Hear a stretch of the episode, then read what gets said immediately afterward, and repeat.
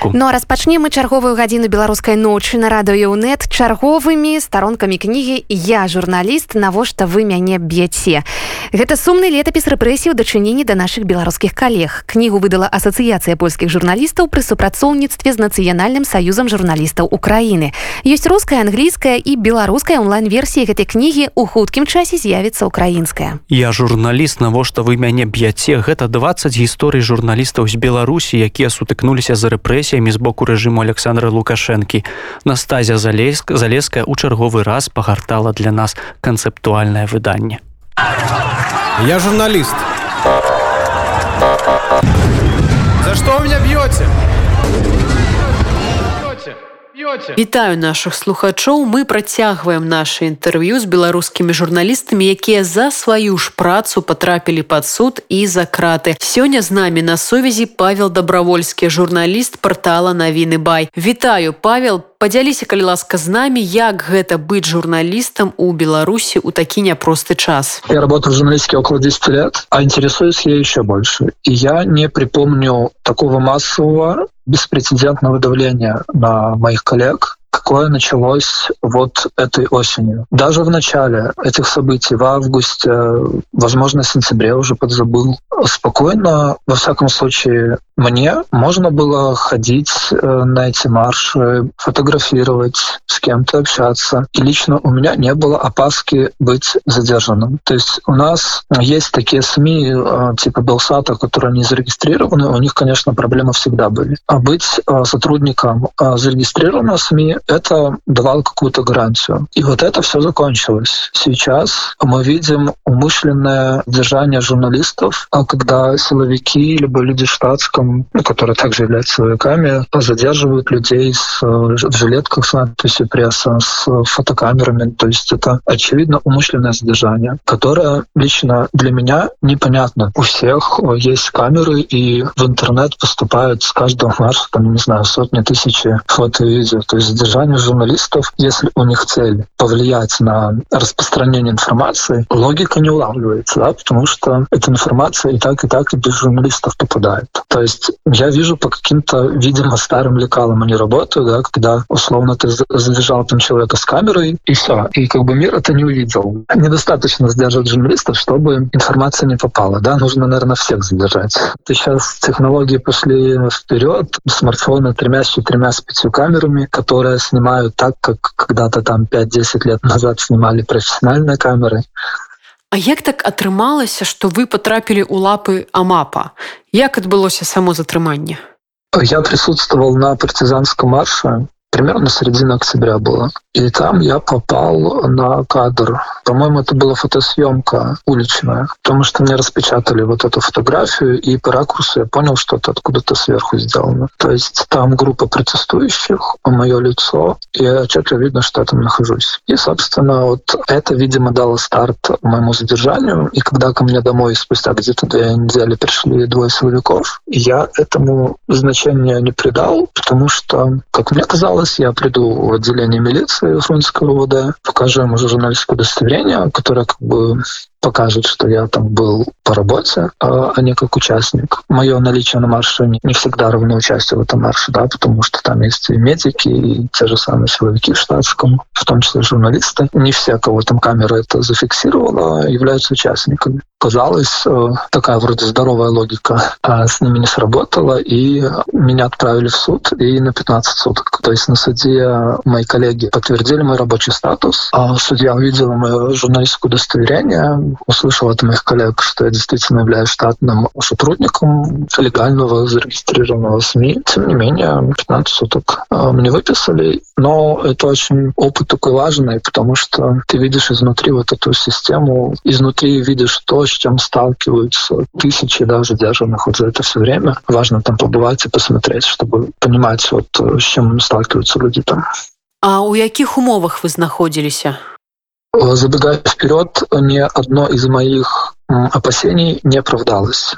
Единственное, что раздражало, это умышленное создание плохих санитарных условий. Какие-то статьи были на сайтах, якобы умышленно создают такие условия, чтобы люди заразились коронавирусом. Не знаю, насколько это правда, но ситуация была действительно плохой, когда просишь в камеру половую тряпку хотя бы, чтобы самому помыть пол, тебе ее не дают, не говоря уже про то, чтобы кто-то там из сотрудников это сделал. Все время, это около недели, которая была на Крестина, там не было влажной уборки, и я сомневаюсь, что она вообще там была за месяца два до меня. Там полностью закрыто окно, туда не поступает свежий воздух. Какой-то из постелей э, клопы были. Ну, ситуация плохая. И долго там находиться, это, конечно, опасно для здоровья. По всему остальному было терпимо. Еда, насколько я знаю, заказывается из столовой, то есть ну, какие-то компотики, чаечки. То есть понятно, что у меня условия более тепличные, и я к такой еде не привык, но это еда съестная, да, то есть ее можно купить. Нет, нет отвращения такого. А с кем вы знаходзіліся у камеры? Это тоже было такое опасение, потому что в голове а, сложились такие образы, что оттуда приду, там какие-то зайки сидят, уголовники. С уголовниками не садят а тех, кто осужден по административным делам. И э, там такие же административщики. Единственное, кто там мог попасться и периодически попадаются, это задержанные там бесправники либо алкоголики. У меня таких было двое-трое, и больше, чем на сутки у нас с ними не было а, общих дней. То есть 90 с чем-то процентов это все-таки ребята, которые были задержаны на митингах, либо по вот этим вот политической статье 2334. Кто-то, э, грубо говоря, средний палец показал кортежу. Кстати, вот э, наблюдение мое около четверти вообще случайно задержанных. Один из моих соседей шел, кушал шаурму, и рядом прошел протест, колонна протестующих, его задержали. Вообще никогда до этого митинг не участвовал. Один из парней вышел из машины в магазин, и там его задержали, хотя он вообще никакого отношения не имел к протесту. Ситуация ситуация плохая для власти. Они таким образом увеличивают э, число возмущенных. То есть эти люди до этого, скажем так, либо нейтральны, либо... Ну, любой человек имеет право не интересоваться политикой. Да? Таких в любой стране большинство, и в том числе у нас. И э, такими действиями они вот этот процент уменьшают. Одно дело, мы это читаем по новостям, какие-то несправедливости. Другое дело, когда это касается лично нас. По опыту общения с этими людьми, которые раньше этим не интересовались, сейчас они, ну, я не буду говорить, ходят ли они на эти митинги, но внутри настроение у них а, процессное. Такого у них не было до этих сдержаний. В плане отношения а, сотрудников, тюремщиков, оно очень разное. То есть есть ребята везде, и, на Крестино, и Барановичах, которые очень хорошо относились. Ну, может, это привлечение, ну, скажем так, нейтрально, да, то есть это и нужно, чтобы не было агрессии, то есть они просто выполняли свою работу. Но были, были такие, которые, конечно, там с матами, с криками, с агрессией. Неприятное такое впечатление, учитывая, что и ты, и твои соседи — это не преступники, да, то есть они же тоже это понимают. Они понимают и знают, не читают эти дела наверняка, потому что там, не знаю, сотрудники банков, какие-то журналисты, айтишники. То есть немножко такая публика не та, что там обычно обитает. Но отношения не меняли.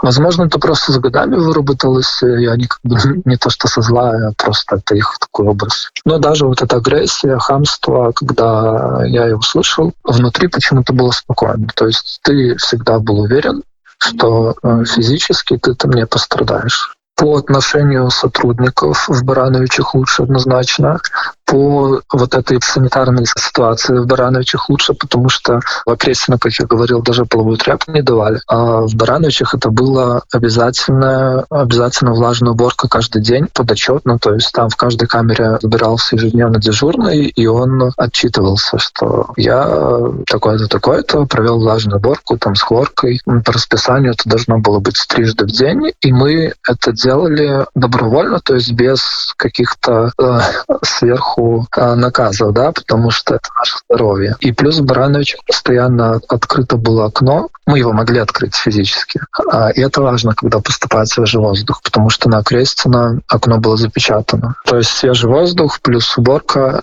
для здоровья в Барановичах однозначно лучше. Хотя первое впечатление, когда я туда приехал, было совсем другим. То есть это здание аварийное, там начало 20 века, насколько знаю, какие-то военные казармы времен Российской империи. Это там 1903 год или что-то около этого. И, по-моему, их даже готовили к сносу и передумали именно вот на этой процессной волне, чтобы было куда а, протестующих сдерживать. То есть здание и так старое, плюс его уже готовили к сносу. Понятно, в каком оно состоянии. И ты туда заходишь, это настолько удручает, потому что Крестина все-таки новая. Это, конечно, не гостиница, но там нет какой-то плесени на стенах. Ну, вот таких моментов. Барановичах. Под потолком у нас жили какие-то насекомые.